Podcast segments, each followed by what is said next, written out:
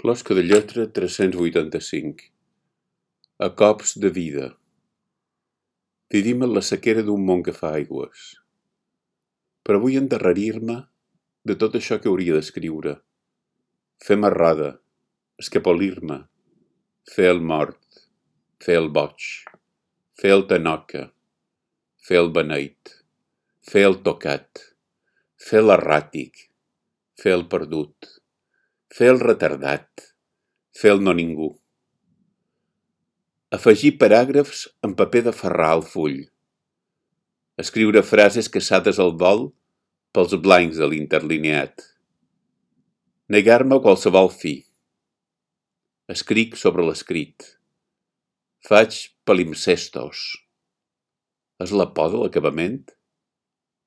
Desconeixement d'un final un cop i un altre cus paraules a la frase per escurçar-la, per convertir-la en un munyó, per desfer-la. Escriure és de cada vegada més l'art de desfer. Desfer les idees rebudes, desfer les transgressions rebudes, desfer els clixés rebuts, desfer els fakes, les mentides, els selfies, les confusions, els gargots desferma. En refugi en el mots. Cerca una qualitat de llenguatge que consisteixi en limitar l'escriptura a l'essencial.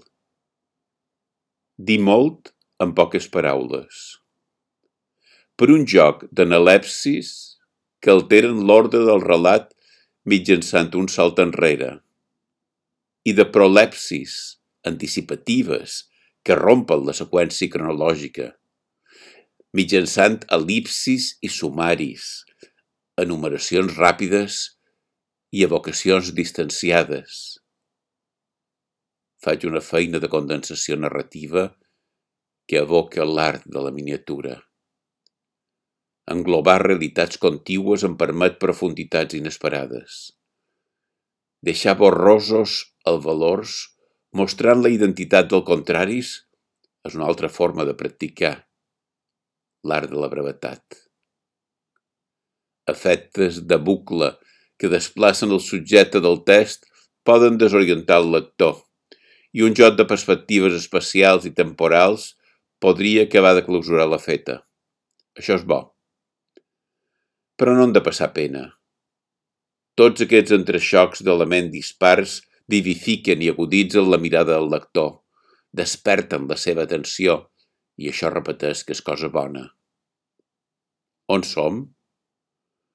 El test em projecta una espècie de realitat augmentada. M'obri noves zones on perdre'm. En crea espais inèdits. Pens a la línia elegant amb una escansió discreta de Bill Evans, The Waltz for Debbie, sostinguda i acompanyada pel contrapunt lluminós del contrabaix de Scott LaFaro, amb els llenegaments refinats i còmplices de l'arquet.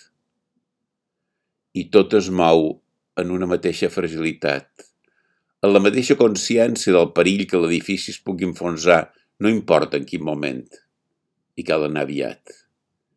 I llavors l'orella escolta la festa del llenguatge, el pantaix sord de la llengua, aquesta oscil·lació, aquest balanceig amb els impulsos que l'empenyen, aquesta palpitació secreta, Queda també en l'ombra verbal el cruiximent lleuger d'una seda que una mà aquerona, les volutes que surten d'una cigarreta que s'acaba de consumir en un cendrer de vidre tallat, la calidesa excitant d'una pell daurada que fa mengera, l'olor viva d'un camp d'alfals tallat. On el test es perfà l'enigma d'aquests indicis, en el tremolós d'aquests no resos, que en el desxiframent del seu eco fan obra. Encent, en un món que fa aigües i que sempre ens obliga per totes bandes a estar sotmesos a l'autoritat d'una història, ben lliure de divagar i d'abandonar-me a l'única exigència de les paraules, a l'arranjament de les sonoritats, a les digressions infinites, a la respiració secreta del text, que és la seva verdadera aventura a cada instant alguna cosa es troba constantment al nostre costat, preparada per ajudar-nos. A cada instant, la tela d'aranya tremola sota un vent que fa ballar les pobres víctimes. A cada instant, en sent viu. Mir la pluja que rega el jardí i cant. A cada instant, estam a dos dits d'un miracle.